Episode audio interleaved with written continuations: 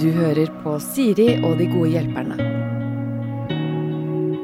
Ukas gode hjelpere er Emilie Enger Mehl og Emilie Næring. Mehl er eh, Sp-politiker eh, og justis- og beredskapsminister i regjeringen. Hun har Også vært å se Kompani Lauritzen, hvor hun vant i 2022. Rett foran Emilie Næring, som kom på andreplass samme sesong.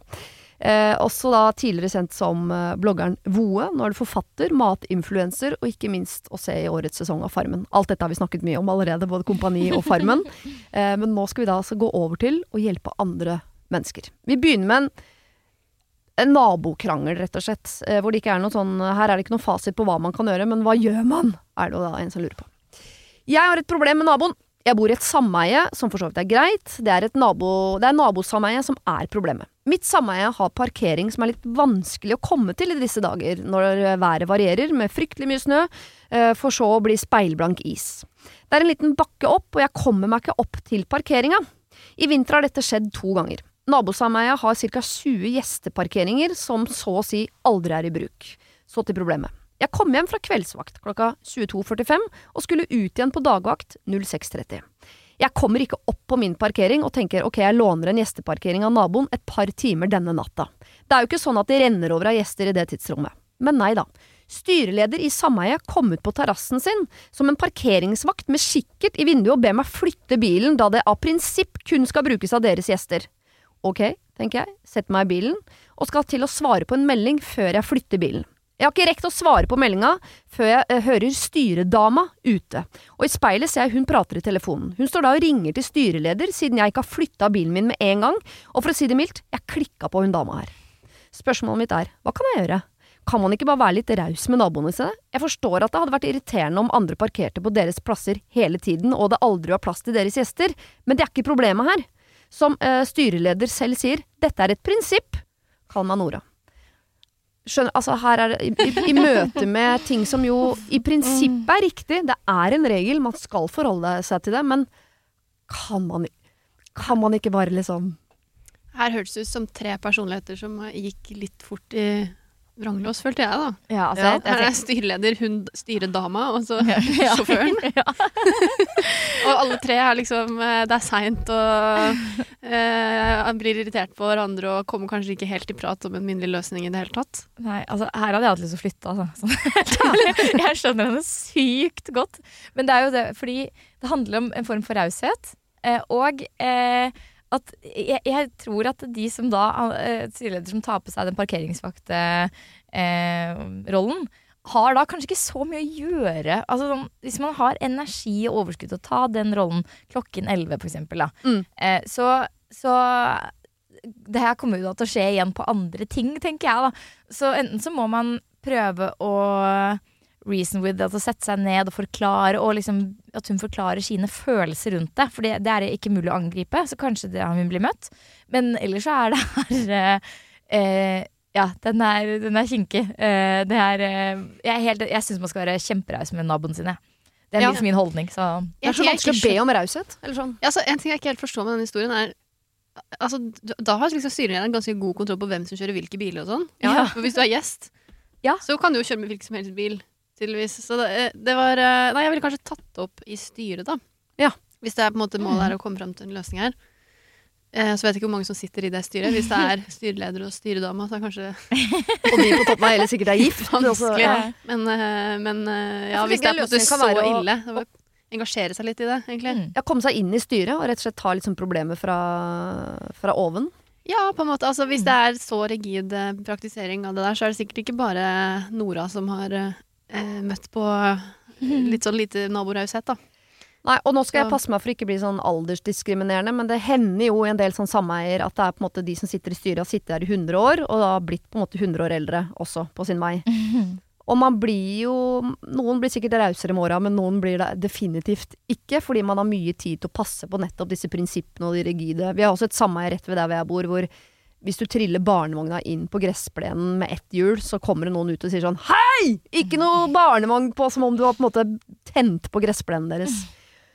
Og det syns jeg er litt urettferdig òg, for det eh, noen ganger så Det å få voksenkjeft er det jo ingen som liker. Det kjente dere sikkert på i kompaniet, men eh, noen ganger får man voksenkjeft fordi det er noen voksne som er irriterte, egentlig ikke på deg, men på noen andre. Ikke sant? Sånn som her, kanskje jeg er irritert på at det er mange som står på den gjesteparkeringa, og så er det litt tilfeldig hvor det renn, begeret renner over. Mm. Ja.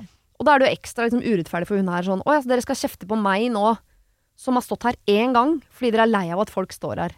Det er litt urettferdig. Mm, enig. Jeg tenker også sånn eh, Jeg syns det var en god idé det Emilie sa med å altså, eh, ta det her opp med styret. At man arrangerer på en måte et møte sånn at det blir tatt seriøst. Mm. Og fordi det er jo et problem for flere, vil jeg tro, at man ikke kommer seg opp den bakken. Altså, det er jo det som er hele poenget med sånn sameie, at man skal løse hverandres problemer i fellesskap. Ja. Eh, så det å på en måte hvis du, Og hvis du ikke får gjort noe med den bakken, så er det liksom det å eh, avse kanskje noen gjesteparkeringer til de ekstra glatte dagene. Altså, det her kan løses, og i hvert fall hun virker jo litt som Altså, jeg merker at hun har fyrt seg opp her, og det er egentlig litt sånn fint, for den, ta med den liksom Men ro deg litt ned før møtet, men liksom ta med den, ja. den standhaftigheten og de gode argumentene for hvorfor inn i et sånt møte, og så bare eh, tenker jeg at det kan, eh, kan løse seg.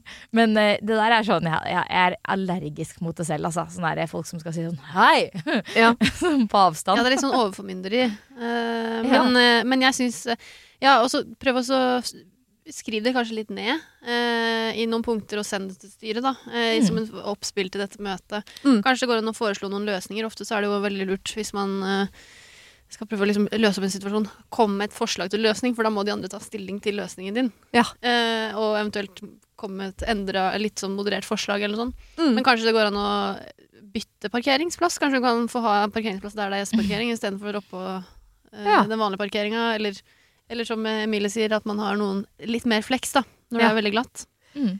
Jeg bare, eh, min frykt er at ja, man kan sikkert løse det parkerings ved å kalle inn til møte og være rolig og, og si hva om vi i, i de glatteste periodene avser to av gjester. Men dette her gjelder sikkert andre ting òg, sånn gressplen og hekk og søppel. Og det er sikkert mange ting som, eh, som styreleder eh, står ute på verandaen med kikkert for å, å, å voksenkjefte på hvis man bryter. Så hvordan man skal få sneket inn liksom mer raushet i, der, i alle prinsippene og de rigide systemene i sameie og sånn, det det høres ut som en stor jobb. Da tror jeg man må inn i styret, ta over som styreleder osv. Ja, eller så må man bli bedre kjent, da. Ja. For hvis det er et poeng å liksom kjenne navnene sine etter sameie Jeg aner ikke hvordan det ser ut, det sameie, men eh, Grillfest, kanskje man skal ha en vaffelkveld eller noe? Jeg vet Ja, ja. Nei, men altså, det er alltid vanskeligere å være sur og smålig på noen som du kjenner godt. ja. Eller som du har et personlig forhold til. Så kanskje man skal ha dette styremøtet med Eller sånn åpent eh, nabomøte, eller noe sånt. Og så Ja. drikker man litt kaffe og spiser litt vafler og diskuterer det med parkeringa.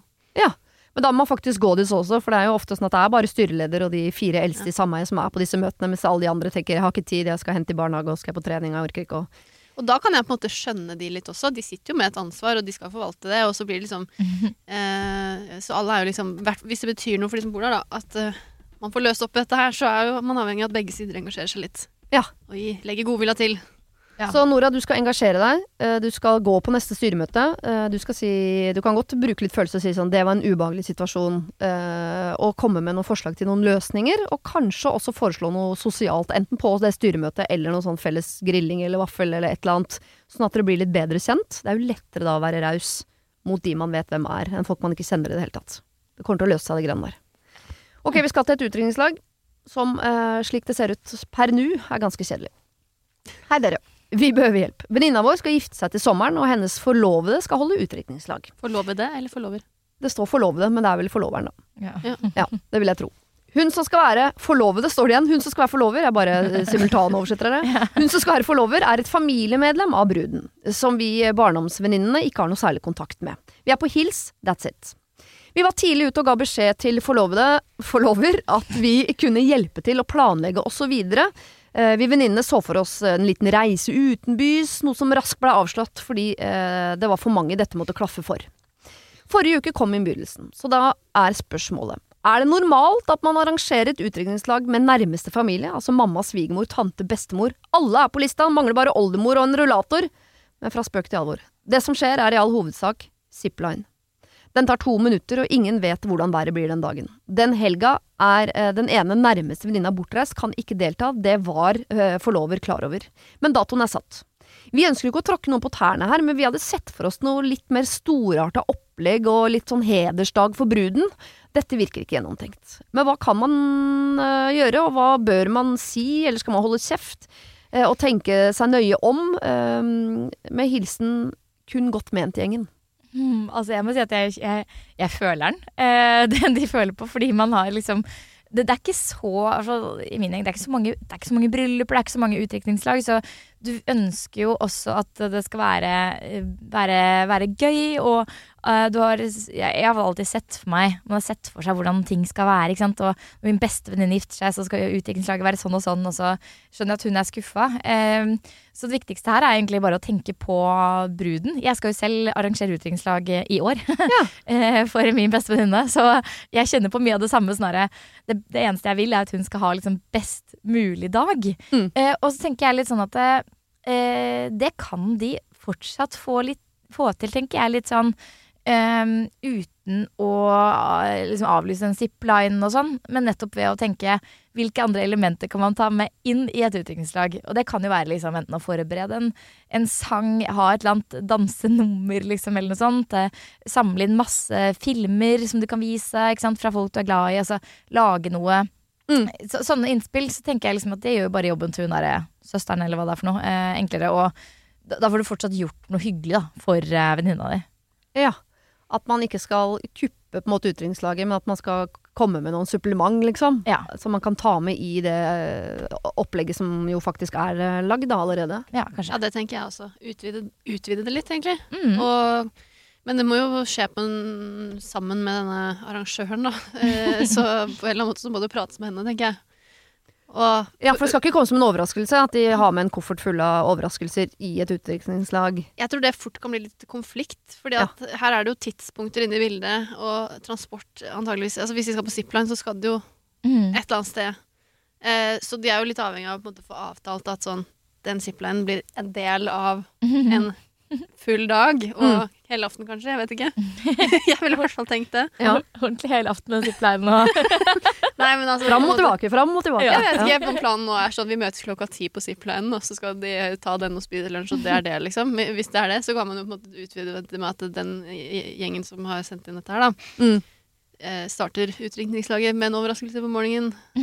Drar på et eller annet gøy før zipline. Drar på mm. zipline. Kjøre, kjøre en mm. Det er litt vanskelig å vite. Vi vet jo ikke uh, hvordan denne forloveren er. Hvis det er en forlover som er veldig hårsår og på en måte tenker at hun har uh, arrangert det beste utdrikningslaget hun kan se for seg, og så kommer inn en sånn mobb fra sida som er sånn Nei, her må vi inn med det og det, har du tenkt på det, og var jo sånn, og Så kan det virke litt sånn uh, Da kan man føle seg litt angrepet, på en måte. Men det kan jo også hende at det er en forlover som som syns at hele det ansvaret der er litt sånn øh, Jeg klarer ikke, og jeg veit ikke hva jeg skal gjøre, og mm. som bare vil sette pris på at noen kommer inn fra siden og sier sånn Hei, hva om vi øh, Vi kan godt hjelpe til å lage en quiz. Ja. Eller hvis du vil, så Jeg kjenner en som har hest, så vi kan hente liksom bruden med hest hvis du vil, eller det, det, det, vet man jo ikke. Nei, jeg tenker også at det, altså, det høres jo litt ut som de har prøvd å si ifra at, uh, om ting litt i forkant, men mm. uh, uavhengig av det, så er det jo det viktigste er jo aller mest å tenke på den som drikkes ut, altså bruden, da, oppi mm. der. Fordi eh, det er jo den du skal glede. Og så tenker jeg liksom ok, eh, hun har jo da valgt en forlover som føltes riktig for henne. Mm. Hun vet jo at det følger med et sånt utdrikningslagansvar på den eh, personen. Mm. Og eh, ofte har man jo kanskje sagt litt om hvem man skal ha i utdrikningslaget sitt og ikke. Altså, det kan godt hende at hun har selv sagt at hun vil ha mor og bestemor og alt sånt der. Mm. Um, så det er jo liksom Det er ikke bare venninnenes ansvar, dette her. Det her er jo liksom på den som har valgt forlover. Og på en måte det sier jo litt om hva de ønsker seg. Så mm. jeg tenker at det, viktigste er liksom at det, altså den, den, gode, den, gjengen der, da, gode gjengen der, de kan alltid ta seg en fest. Ikke sant? Eh, og de kan også arrangere en eh, etterbryllupsfest. Altså de kan gjøre masse sånn utenom med denne venninnen, uten at det er så mye familie inne i bildet. Mm. Eh, men jeg tror uansett at det er kjempefint å bare lage et eller annet sammen. Ja, liksom en quiz som du snakket om, eller en sang eller et eller annet nummer som de kan forberede. Mm. Som de har ansvar for, som når som helst kan passe inn eh, på et utviklingslag. Det tenker jeg er en kjempefin overraskelse for den uh, bruden. Du ja. alltid bare ha henne litt sånn i bakhånd. Eh, hva de har lyst til å gjøre, er liksom litt sekundært. Men er det dårlig gjort å ta en uh, uformell prat med bruden? Litt sånn 'ja, nå er det bryllup i år', og mm. hva, hva, slags utdrikningslag er det du ser for deg? Og bare gjøre litt sånn research? Jeg tenker kanskje at bruden ikke skal ha så mye med det å gjøre, da, men, Mm. eh, men det varierer sikkert. Men bruden Eh. har jo noen tanker. Hvis hun sier sånn åh, jeg har sett for meg sånn bare de nærmeste venninnene som drar eh, tre dager til Las Vegas, så er det sånn ok, greit. Men, ja, men da tenker jeg vel kanskje det må komme fram litt mer naturlig i en samtale om dette bryllupet, Ja. enn at man liksom skal spørre sånn Hva vil du? Mm. Men jeg tenkte bare hvis det skal la, uh, tas opp med disse, denne forloveren, da, Mm. Da må man bare gjøre det i god tid. For jeg tror det er mye bedre Ja. å liksom ta den praten, og så finne ut enten så endrer vi opplegg, eller så gjør vi det ikke. Mm. Og hvis det blir dårlig stemning, liksom, at man må få rydda det ut. Eh, og så går det litt tid til utdrikningslaget, enn at man liksom skal sitte og holde på en sånn misnøye fram mot eh, dagen nærmer seg, og så blir det liksom dårlig stemning da. Nei, det er ikke lov. Eh, nei, så Nei. på en måte alle Hvis det er ubehagelig å ta den praten, liksom alle, ting, alle sånne ubehagelige ting er det greit å bare få ut av verden, tenker jeg da. Ja. Eh, og så får man liksom landa det, og så kan man gå videre og være venner og lage et gøy utdrikningslag senere etterpå. Ja, fordi eh, de er gjester i et utdrikningslag som handler først og fremst om bruden som har valgt denne forloveren. Så hvis det først er i det utdrikningslaget, da er det ikke lov til å sitte og surmule over eh, at man bare skal i zipline osv. Da må man på en måte prøve å gjøre den dagen så god som mulig ut fra eh, hva opplegget er. Om man da vil fylle på med en sang eller hva man gjør, det må være greit. Men er det noe som ødelegger et utdrikningslag, så er det om det sitter en sånn Om godgjengen sitter borti et hjørne og er sure, liksom. Da, da er utviklingslaget ødelagt. Ja. Ja. Mm.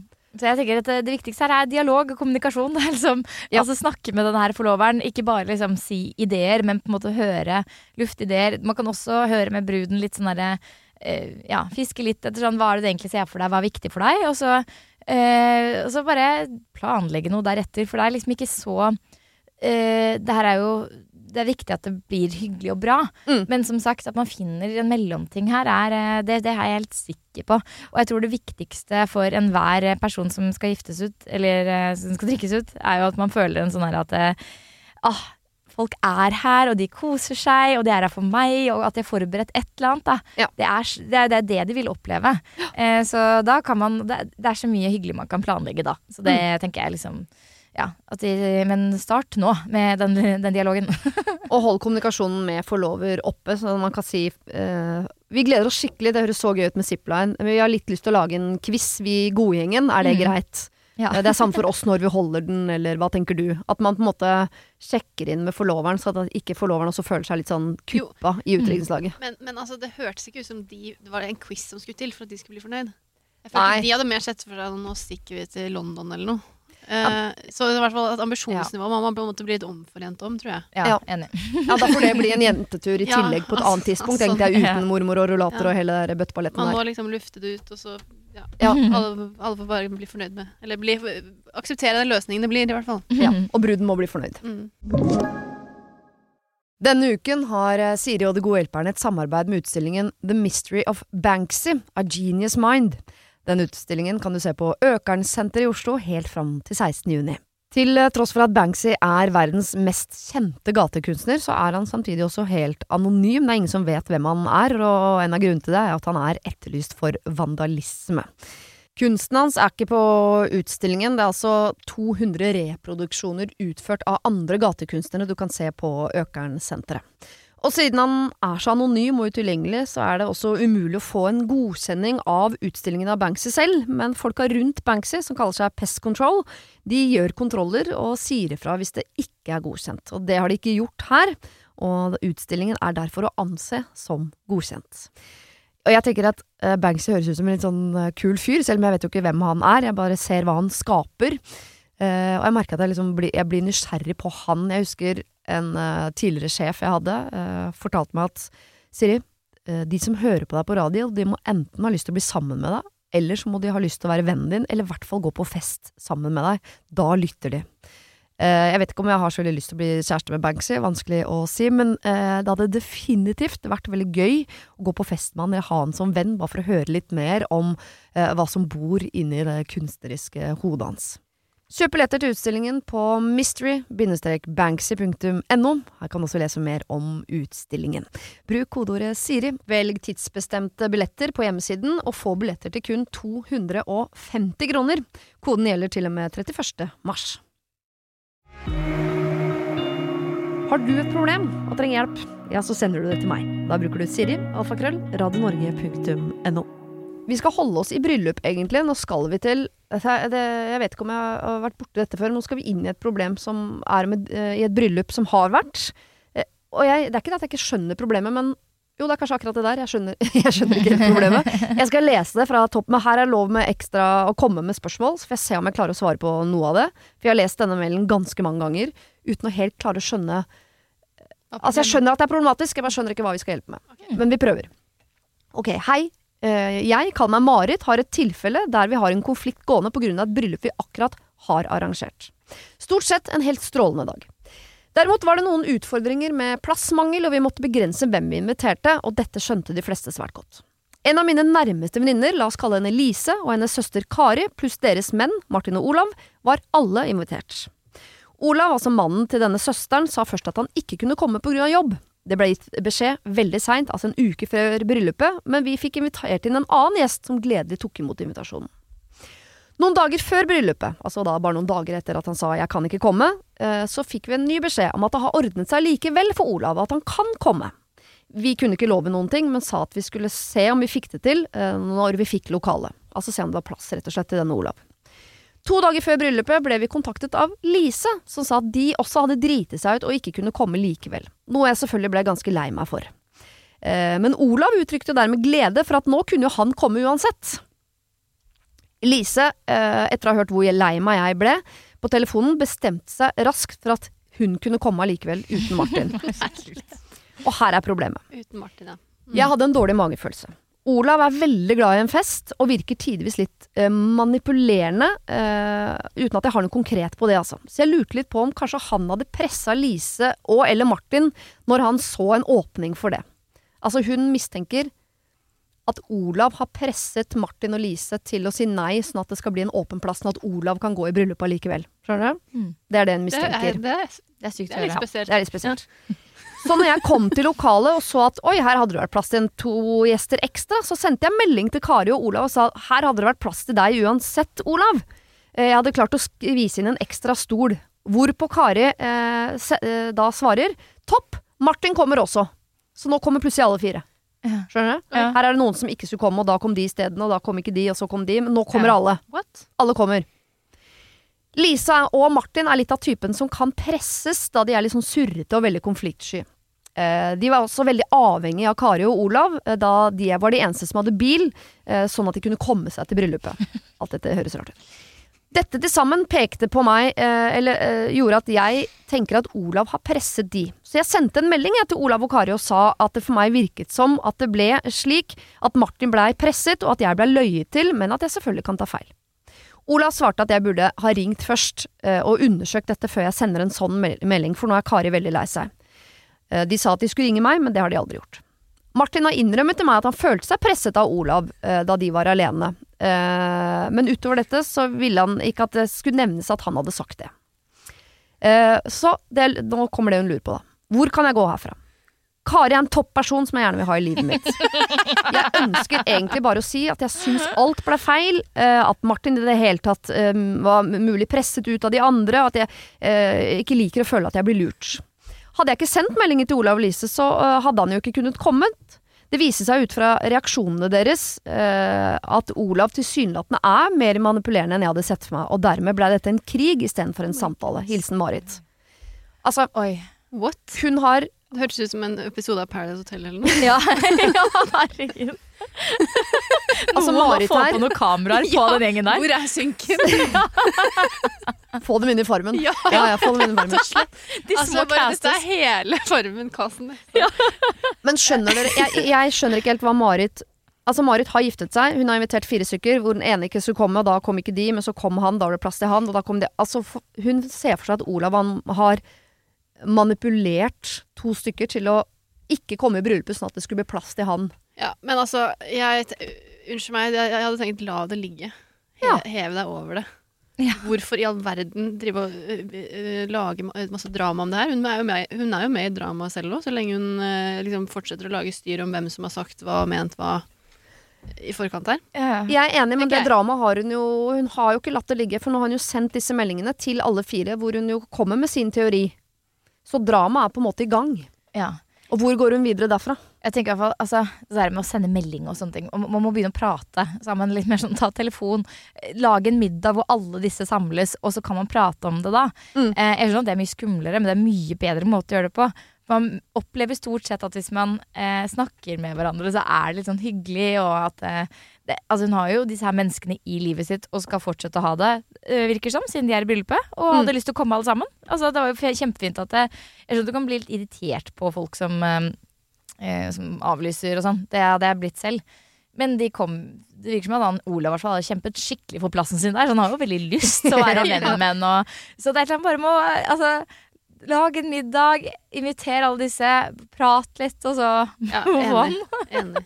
Jeg mener at du skal nå arrangere en middag for disse fire og prate ut Ja, men om dette. Det trenger ikke være formålet med middag, da, men altså be de på middag. Og så Ja. liksom slutte å fokusere så mye på den meldingen og alt dramaet rundt det bryllupet. Og hvis det er følelser som ligger under overflaten, så kommer det til uttrykk på den middagen, tenker jeg da. Da Ja. man ta det opp. Det tenker jeg også. Og for, jeg, jeg for, men jeg forstår det derre altså, det, det er litt for få som har eh, arrangert både fester og brylluper sånn i sitt liv, tror jeg. Fordi det er overraskende mange som tar lett på sånt. At det er sånn 'Å, det er bare en invitasjon, jeg dropper å komme', eller 'det er ikke så stress'. Og, Enig. og så er liksom, ja, og den er sånn Jeg kjenner skikkelig på det selv. For jeg, jeg elsker egentlig å arrangere, men jeg vet jo at det både koster, og man planlegger, og det er liksom mye forventninger og liksom alt det der. Og da spesielt et bryllup. Det koster jo per gjest ganske mye. Uh, og det er ikke alle som kanskje forstår det aspektet. Men det er noe med bare i så fall, hvis hun ønsker å fortsette å ha disse menneskene i livet sitt, og vil gå videre og på en måte ha en ro inni seg, så må hun bare få dem til å forstå henne litt, og så må hun kanskje forstå dem litt. Og så det her skjer bare enkelt og greit over om det er middag, eller om det er vafler, eller om hva det er, så er det liksom eh, Det her kan ordnes opp i, tenker jeg, da. Ja, kanskje det er derfor jeg har så problemer med å skjønne dette problemet. Fordi jeg syns jo det er mye mer problematisk det hun beskriver med at de avlyser og ikke kommer. Jeg hadde glemt å sjekke med jobben og sånn. Dager før et bryllup. Så sånn, er dere klar over hvor stort og viktig bryllupet er for de som arrangerer? Så tar dere det nærmest som en sånn Lyst til å stikke innom en tur, eller? Er, at de kan At de to dager før sier sånn jeg tror ikke jeg kan, jeg glem, Sorry, jeg glemte å sjekke med jobben, jeg kan ikke komme. Jo, nå kan jeg komme allikevel. Den øh, Det hadde jeg, tror jeg, jeg hadde vært et drama jeg hadde Ja. vurdert å, å dyppe tåa mi i. Det kan jo være inngangen til å ta det opp, da. For det er jo litt sånn Det er jo på en måte mer øh, Altså hva skal jeg si Mer øh, vanlig, i hvert fall, problemstilling eh, enn det der med 'jeg mistenker at du har manipulert de andre vennene våre', liksom. Ja. Ja. Det er jo litt sånn eh, litt drøyt, hvis det stemmer. Og det er vel et eh, problem mellom Olav og Martin. Hvis Olav har manipulert Martin, så må jo Martin ta tak i det hvis han syns det er problematisk. Helt enig. Ja, det er litt sånn Og så blir det sånn, det blir så utrolig mye via via, så det er bare sånn Mhm. lurt å få alle i samme rom. Så kan alle på en måte lufte ut, Ja. eh, tenker jeg da. Enig. Og så jeg sa til Jeg hadde en venninne på besøk for noen år siden som var lei seg fordi hun, øhm, hun følte at det var så mye drama i livet hennes. Med rette. Eh, hvor jeg husker jeg manna meg opp uh, og sa en ting som jeg hadde tenkt, og som jeg fortsatt står for, som er ja, men du, du velger jo også å gå inn i en del drama. Eh, Det fins masse drama rundt meg også som jeg velger å ikke gå inn i, ikke sant. Uh, og det er jo på en måte straffen for å være et engasjert menneske. Men Marit her, hun går, velger jo å gå inn i dette dramaet, som jo strengt talt er et drama mellom Olav og Martin. Som hun går inn i. Og jeg bare ser for meg Så jeg vet ikke, Vi får ikke gjort så mye med denne situasjonen, Marit, dessverre, men eh, sånn videre i livet Mm. Når du har valget mellom å gå inn i drama eller å trekke deg bort fra drama, så, så vil jeg jo anbefale deg i ni av ti tilfeller å heller ta et steg tilbake enn å ta et steg inn. I hvert fall hvis det i utgangspunktet er andres drama. Helt Ja. enig. Og, og fall den der, at man eh, En ting er å begynne å anklage og mistenke for å manipulere. Og liksom, å gå dit er ikke en Det er stort sett ikke en veldig bra løsning, da.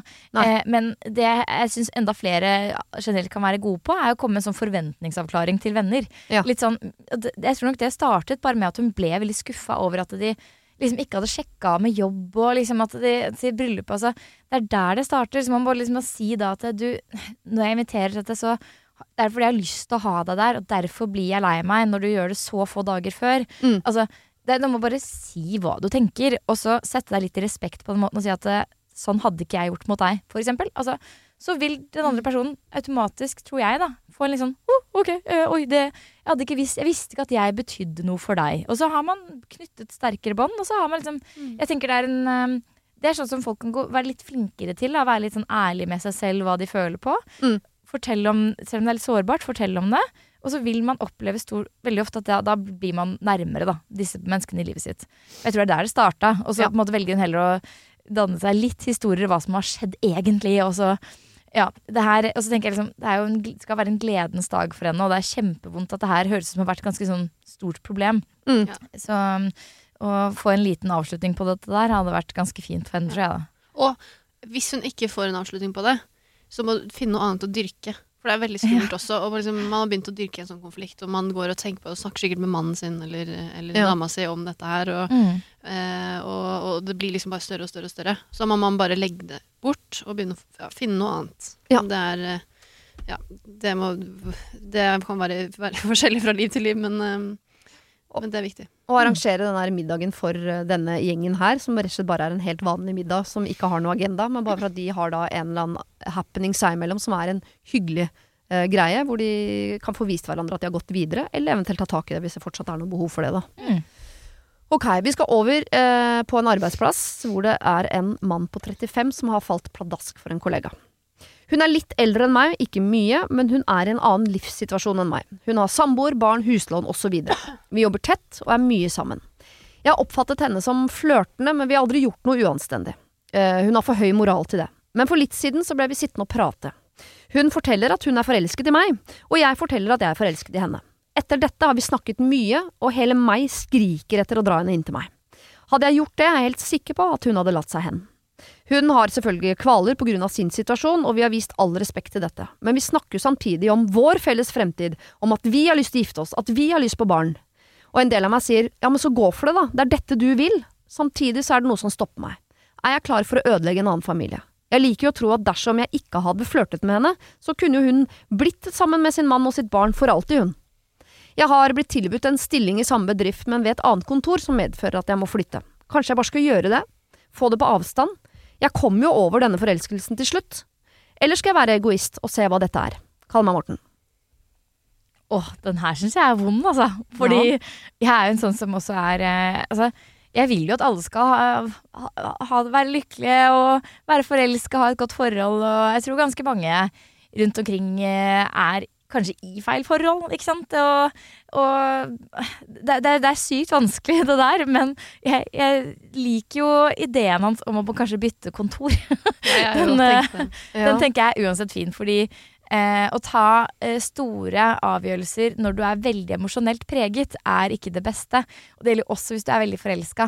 Så Mm. er det kanskje ikke da du skal gå og ta det steget med å liksom, dra henne inntil deg og kysse henne, liksom, fordi øh, det, det vil ikke, være, det vil ikke føles så godt, tror jeg, da, etterpå, når hun fortsetter kanskje å være den familien, og du vet liksom Men det har, det har gått ganske langt allerede, så her må man på en måte bare kjøre litt hardt mot, mot hardt, tenker jeg, og bare si liksom at eh, Være ærlig med henne og si at det, der er eh, Nå har det gått langt her, men jeg kommer til å bytte Altså jeg må bytte avdeling fordi jeg er forelska i deg, liksom, og så kan hun eventuelt finne ut av hva hun gjør med sin livssituasjon, men å ta det steget før hun har tatt, eh, funnet ut av det, det er- tenker jeg er feil, da. Mm. Ja, at han bør på en måte flytte seg i avstand, sånn at de får den avstanden til å tenke hver for seg, så hun kan ta et mer rasjonelt valg. Og hvis hun ikke klarer å slippe han, så får hun på en måte jage det, eller? Ja, men både og. Jeg syns på en måte eh, Jeg tror det er litt en illusjon, da, at sånn akkurat eh, denne forelskelsen er liksom the one and only. Eh, som det høres litt ut som man føler da, akkurat nå. Og derfor så kan det være sunt å komme seg få litt avstand til det, for nå går han og tråkker opp i det hver dag. Men når det gjelder henne Det er jo to forskjellige personer, dette her. Så hun som er i dette samboerskapet, hvis hun vil bryte ut av det, så er jo det et valg som på en måte egentlig handler om noe helt annet enn han, da. Mm. Mm. Eh, og så kan man jo si sånn I en gitt situasjon så kanskje det handler om han fordi hun eventuelt vil bryte ut for å være sammen med han, men, men det er jo tre andre personer. Eller hvor mange barn var det? To? Eh, Nei, det står ikke. De har Nei. barn, bare. Om det er ett eller to. Altså, det er jo flere andre personer som er viktigere egentlig i hennes liv enn det han er. Så, som, eh, som på en måte det må Den avgjørelsen hun står i, handler ikke om han. Eh, og det er kanskje litt vondt for han, da. Ja, Det er et veldig, veldig godt poeng. Og jeg tenker at eh, eh, jeg, siden de virker som de har pratet mye sammen, så er det viktig å bare ja, stå, litt, eh, stå litt i det, sette seg litt i respekt her, og tenke liksom også litt at eh, her eh, Få det litt på avstand, bytt avdeling. Da kan han merke for sin egen del hvordan han står i det, eh, og prøve å komme seg litt videre, for det her er Det er en familie som med barn som eh, vil ta det ganske tungt, den avgjørelsen hun gjør. Mm. Og hvis hun likevel ønsker å gjøre det når det er litt avstand, og hun funnet ut at den mannen hun lever med, er ikke den riktige, hun finner litt ut av det på litt mer riktige premisser, kanskje. Mm. At andre ting. Ja, at det er ikke altså det, det er et eller annet med at det er veldig lett å falle for eh, Kanskje falle for en du ser på jobben i flott i dress hver dag, og så går du hjem og så vasker du bokserne til en eh, du har vært sammen med i 20 år. Altså, det, det, er veldig, det, det, det er veldig vanskelig Feige lag. Ja, det er feige lag. Ja. Så det, på en måte hun, Alle har litt å tjene her på å få litt sånn avstand, Ja. eh, tenker jeg. Og så må man bare mm, Så syns jeg det er på en måte, bra at han tar den her eh, eh, At han har reflektert over at han ikke, selv om han har lyst til å dra henne inn til seg, sånn, at han ikke gjør det. Så det er Mm. kjempebra. Og så liksom, ja, at han, eh, som Emilie sa, at eh, det er eh, positivt her å la henne få ta den her avgjørelsen uten at han er så innblanda i det. Mm. Eh, fordi, ja, det, det kan hende at hun når det blir litt avstand, at hun merker at nei, herregud, hva er det jeg holdt på med? Det er mannen min som er viktigst, og da skal de få finne ut av det. De, man sier jo at eh, forelskelse er jo en, en en kort sinnssykdom, på en måte. Man er jo eh, Man vet jo ikke helt hva man driver med når man er forelsket. Og at eh, hun er forelsket igjen på jobben, ja det er jo sånt som skjer. Det betyr ikke nødvendigvis at det er liksom riktig å, å gå fra mann og barn av den grunn. Eh, men det kan være det. Men det er kanskje den avstanden mellom de som gjør at hun klarer å liksom se hva som er riktig å gjøre, da. Jeg syns jo de har vært Jeg må jo applaudere at de har vært flinke fram til nå i forhold til en sånn forelskelse på jobben. Det er jo mange styggere versjoner av denne historien, for å si det sånn. Eh, hvor man har gått hele veien på et julebord og alle de der Det er en mer vanlig historie. Jeg tror ikke det er så vanlig at man snakker så mye om følelser som denne Morten og denne eh, jenta har gjort uten å, å gjøre noe som helst uanstendig. Så jeg syns jo de har vært flinke, egentlig, til nå, selv om noen sikkert vil kalle det et emosjonelt utroskap osv., men Ja, altså, eh, vanskelig å la være hvis man først treffer noen man blir forelsket i. Det er fryktelig han- vanskelig, den der, altså. Ja, og så tror jeg han bør finne noen andre å prate med disse tingene om enn henne. Fordi Ja. akkurat nå så har jo de jeg, jeg hørte en gang noen som sa sånn Hvis du er i et forhold og er forelsket i en annen, for all del ikke si til personen det gjelder.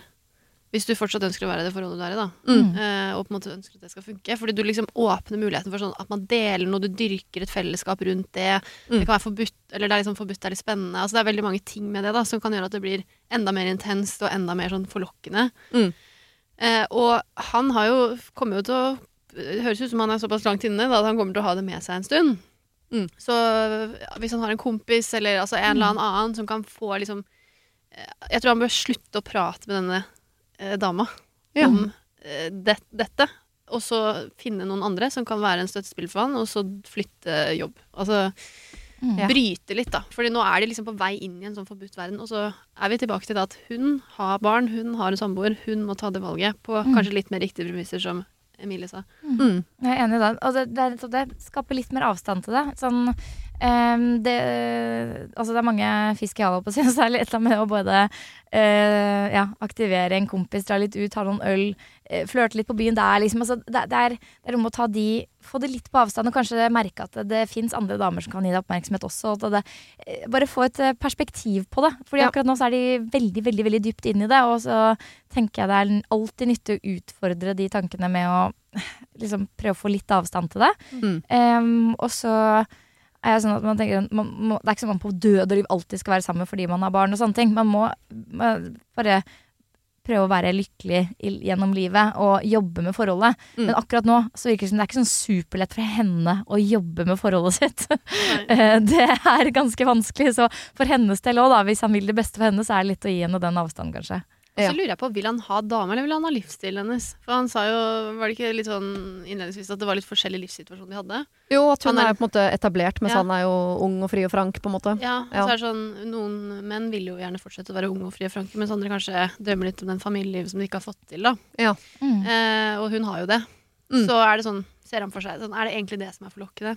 Ja. Eller kanskje det kan det være en del av det? Det kan jo være verdt å tenke ja, det kan hende. Mm. Og så er, må man jo legge til det også, for selv om det er veldig lett å si sånn at øh, øh, hun Det er jo mannen hun er sammen med, det er jo det forholdet det er noe gærent i, siden hun i det hele tatt ser på en annen mann og sånn. Det tror jeg ikke nødvendigvis alltid er sannheten. Det kan Nei. jo hende at man har møtt en fyr som er liksom 97% den rette for deg. Man kjøper hus og får barn og sånn, og, s- og så fins det en der ute som var 100. Eh, som man kanskje aldri møter, men som hun nå har møtt på jobben sin. Det kan jo hende at hun bare har møtt en mann som er enda mer riktig for henne enn den mannen hun endte opp med. Er, jeg tror det er ganske mange som bor med og har barn med en fyr som, som de bare har vært sammen med fordi de ble forelska på en fest en gang, og så bare balla det på seg, på en måte. Og så har man aldri egentlig liksom eh, tenkt på om det er noe riktigere der ute, før det plutselig liksom slår deg i ansiktet. Så det kan godt hende at Morten er mannen i hennes liv, og så var timingen litt dårlig.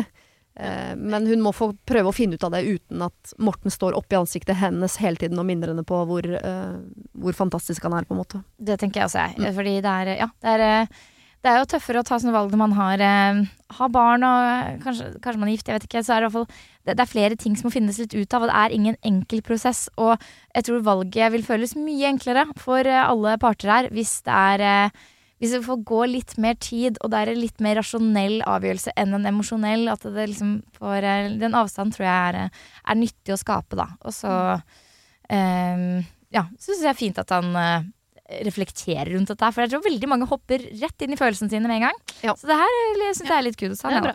Jeg liker Morten veldig godt. Jeg har større problemer med mannen vi skal treffe i vårt siste problem. Mhm. Han, er ikke, han, er ikke, en mann av Mortens kaliber. Er det innsenderen? Eh, nei, det er det ikke. Nei, det er det ikke. Denne uken har eh, Siri og De gode hjelperne et samarbeid med utstillingen The Mystery of Banksy, A Genius Mind. Den utstillingen kan du se på Økernsenteret i Oslo helt fram til 16. juni. Til eh, tross for at Banksy er verdens mest kjente gatekunstner, så er han samtidig også helt anonym. Det er ingen som vet hvem han er, og en av grunnene til det er at han er etterlyst for vandalisme. Kunsten hans er ikke på utstillingen, det er altså 200 reproduksjoner utført av andre gatekunstnere du kan se på Økernsenteret. Og siden han er så anonym og utilgjengelig, så er det også umulig å få en godkjenning av utstillingen av Banksy selv, men folka rundt Banksy, som kaller seg Pest Control, de gjør kontroller og sier ifra hvis det ikke er godkjent. Og det har de ikke gjort her, og utstillingen er derfor å anse som godkjent. Og jeg tenker at uh, Banksy høres ut som en litt sånn uh, kul fyr, selv om jeg vet jo ikke hvem han er, jeg bare ser hva han skaper. Uh, og jeg merker at jeg, liksom blir, jeg blir nysgjerrig på han. Jeg husker en uh, tidligere sjef jeg hadde, uh, fortalte meg at Siri, de som hører på deg på radio, de må enten ha lyst til å bli sammen med deg, eller så må de ha lyst til å være vennen din, eller i hvert fall gå på fest sammen med deg. Da lytter de. Jeg vet ikke om jeg har så veldig lyst til å bli kjæreste med Banksy, vanskelig å si, men det hadde definitivt vært veldig gøy å gå på fest med han eller ha han som venn, bare for å høre litt mer om hva som bor inni det kunstneriske hodet hans. Kjøp billetter til utstillingen på mystery-banksy.no. Her kan du også lese mer om utstillingen. Bruk kodeordet Siri. Velg tidsbestemte billetter på hjemmesiden, og få billetter til kun 250 kroner. Koden gjelder til og med 31. mars. Har du et problem og trenger hjelp, ja, så sender du det til meg. Da bruker du Siri, alfakrøll, radionorge.no. Ok, her så, Dette var verdens lengste mail. Jeg har kortet den ned så mye jeg bare kan. Hei, jeg har et problem jeg ikke helt vet hvordan jeg skal formulere, men jeg prøver. Kall meg Therese, kall han for Willy. Willy har en jobb som gjør at han er veldig mye borte, mer enn folk som er borte av og til når de jobber. Bare sånn for å ha sagt det. Jeg trodde han var min drømmemann. Vi møttes på Tinder, jeg flyttet inn etter bare tre måneder, og alt virket helt perfekt. Flyttingen gikk fint, vi skapte en hverdag, men etter ca. ni måneder øh, så fikk jeg en ekkel følelse. Og så har hun gått inn på mobilen hans, lang historie. Jeg fant meldinger på telefonen hans og fortalte meg at ja, han har vært utro. Og jeg tror dette vi skal gjennom en lang historie her med mye utroskap, og jeg tror har, hver gang han har vært utro, så er det med eksen. Så det er ikke sånn masse nye damer. Det er eksen okay. hver gang. Jeg konfronterte han med dette, og han innrømmet alt sammen, men han sa også de riktige tingene til meg som gjorde at jeg valgte å bli. Så tok jeg han en gang til, ca. to år inn i forholdet, i, med akkurat det samme. Han innrømmet det igjen, men sa de rette tingene. Jeg ble. Så, eh, for en stund siden fikk jeg en ekkel følelse igjen, så jeg bestemte meg for å gå opp til eksen hans og sjekke eh, parkeringa utafor, og magefølelsen min stemte. Utenfor leiligheten hennes sto hans bil. Gud. Jeg gikk hjem igjen, sendte han melding, eh, og han kom gråtende hjem med dårlig samvittighet, og igjen sa han de rette tingene og lovet meg at denne gangen så hadde de ikke hatt sex. Og det kunne jo ikke jeg bevise heller, så jeg ga han en sjanse. En uke går, og det ringer på hjemme hos meg, jeg vet at Willy er på jobb, nå er det eksen som står utenfor for å gi han en pakke med tabletter. Jeg benytter sjansen til å spørre henne om de hadde sex den dagen jeg tok han i å være hos henne, og det sa hun at ja, det hadde de. Jeg lukker døren og går inn og ser at tablettene er utskrevet mot klamydia. Og jeg innser at Willy kan ha gitt meg klamydia, noe som dessverre stemmer. Jeg konfronterer han med dette og, og, sier at nå orker jeg ikke mer. Men igjen sier han de rette tingene og kommer hjem til meg rett fra jobb dagen etter. Dum som jeg er, jeg blei nok en gang. Men nå sa jeg til Willy at nå flytter jeg tilbake til der jeg er fra, for jeg orker ikke å bo her lenger, jeg føler meg ikke trygg her, du har gjort så mye dritt mot meg her. Og han går med på det. Vi flytter etter kort tid. For å spole framover. han blir med? Han blir med. Ok. For å spole framover i denne lange historien, så har det gjennom hele forholdet vært et problem at jeg ikke har hatt lappen. Det er problemet. Oh, ja. Begrunnelsen hans til dette er at fordi jeg ikke drikker, så har det vært kjipt for han at alltid han må eh, drik- eh, kjøre når vi er i bursdager eller lignende. Og jeg har vært tydelig på at eh, jeg kan godt ta førerkort, jeg, men det er altfor dyrt. Jeg har ikke råd til dette. Jeg er syk. Jeg har ikke for mye penger å rutte med. Så en dag sier han til meg, siden jeg har gjort så mye dritt mot deg, og jeg virkelig vil vise at jeg har dårlig samvittighet, og vil deg alt godt, så har jeg bestemt meg for å betale førerkortet for deg. Så får du en enklere hverdag, og ting blir enklere for oss. Og det var utrolig snilt. Jeg ble overlykkelig og begynte med øvelseskjøring, og etter tre måneder så vips hadde jeg lappen. Ting ble lettere for meg alene, men også for oss som par. Vi hadde det virkelig fint, men det varte bare noen måneder. Seks-sju måneder. Og jeg hadde bestemt meg for å overraske han på jobben. Eh, og der ligger han og eksen nakne. Avbrutt midt i akten av meg.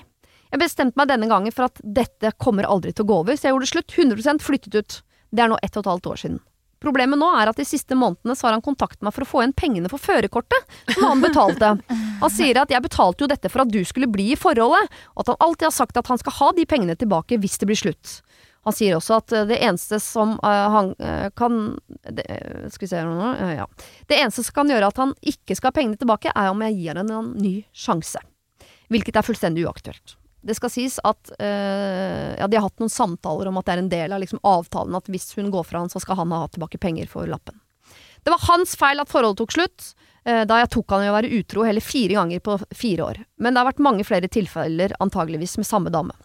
Mitt spørsmål er, skal jeg betale tilbake pengene for førerkortet, etter alt han har gjort mot meg, og etter, eh, etter alle tingene vi har vært igjennom?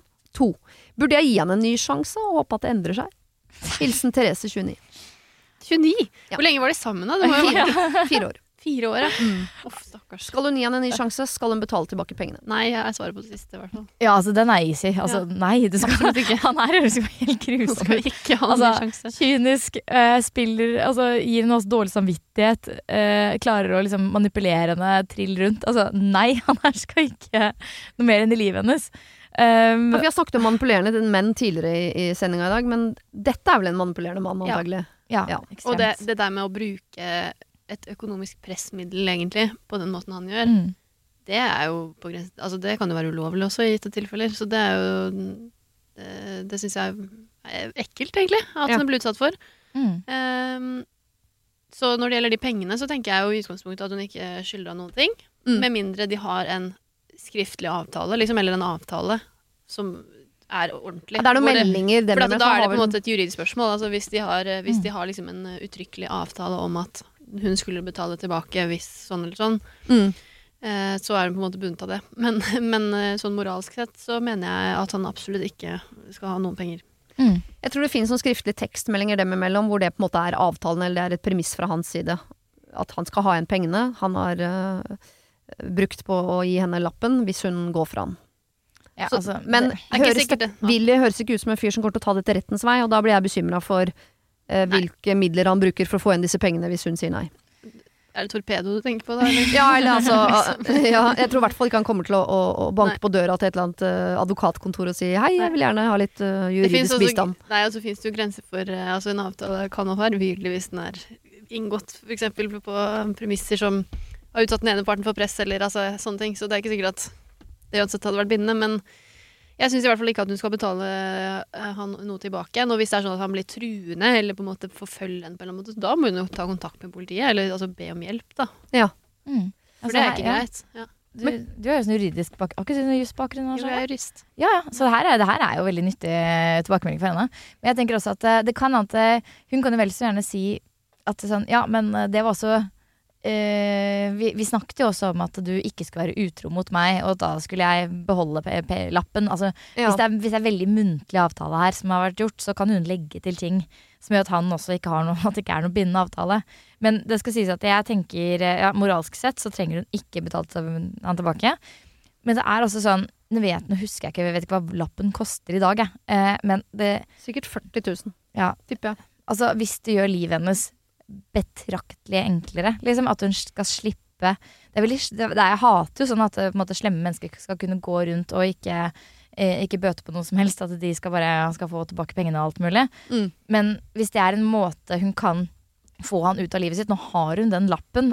Den kommer hun til å ha resten av livet og, og ha det fint med. Um, og at, eh, at det blir enklere for henne å sette punktum på hele forholdet der og alt som har vært. Mm. Eh, så kanskje det er verdt det, da. Og selv om det er dritdyrt, og jeg syns ikke hun burde gjøre det, så er det et eller annet med at jeg, er en sånn person som ikke har så mange kamper jeg orker å stå i og ta. Hvis hun kjenner at hun kan orke å, å stå i det der, at vet du hva, han der har ingenting på meg, for jeg mener at han ikke har. Uh, og det her skal jeg stå i. Så er det, da tenker jeg at hun kan fint stå stødig i det der og ikke skulle ha noe penger, ikke betale han tilbake. Men uh, Jeg er helt enig i at hun liksom Hun skylder han ingenting. Det, det mener jeg. Eh, Mm. To streker under det. Hun skylder han ingenting. Uh, men jeg også har en følelse av at hvis man har muligheten til å bli kvitt han her litt fortere enn For dette høres ut som en prosess. Han driver liksom og uh, um, Han prøver å gjøre denne prosessen eh, lenger. Han prøver å gjøre henne avhengig av han ved at de har noen økonomiske bindinger. Foreslått eh, veien din ut av dette. Han vet at hun ikke har penger. Veien din ut av dette er å bli sammen med meg igjen. Altså Han virker veldig manipulerende. Han virker som en fyr du ikke burde ha noe som helst med å gjøre. Og hvis den enkleste måten å få avstand til han på er å, å, å skaffe de pengene og si sånn, nå er vi ferdig. Fordi du er jo ikke ferdig med han når du faktisk Du spør jo skal jeg bli sammen med han igjen. Spør du. Det betyr at du vurderer det jo. Dette er ikke en mann du skal bli sammen med igjen. Du skal få han på så stor avstand som mulig. Og hvis det koster 40 000 kroner, som du ikke har, så ville jeg gjort alt jeg kunne for å skaffe de pengene for å få han bort. Mener dere det, altså? Ja, men da For å bli ferdig at- med han. Hun kommer jo ikke til å klare å snakke jo- fornuft til han mannen her. Han kommer jo ikke til en dag og si sånn Nei, vet du hva, du har rett.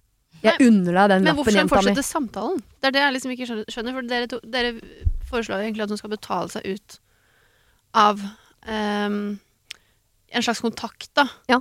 Men, men i, i, mine øyne, hvis jeg hører altså, Med alle mulige forbehold om at liksom, det er noe her som ikke vi vet om, da. Mm. Men så høres det ut som at det er ikke noe bindingspunkt mellom hun og han. Fordi de pengene har han gitt til henne på et tidspunkt. Hun har fått en gave. Altså, I alle forhold så får man jo gaver og bruker penger på hverandre. Og, og liksom, sånn er det. Mm. Og så har det blitt slutt.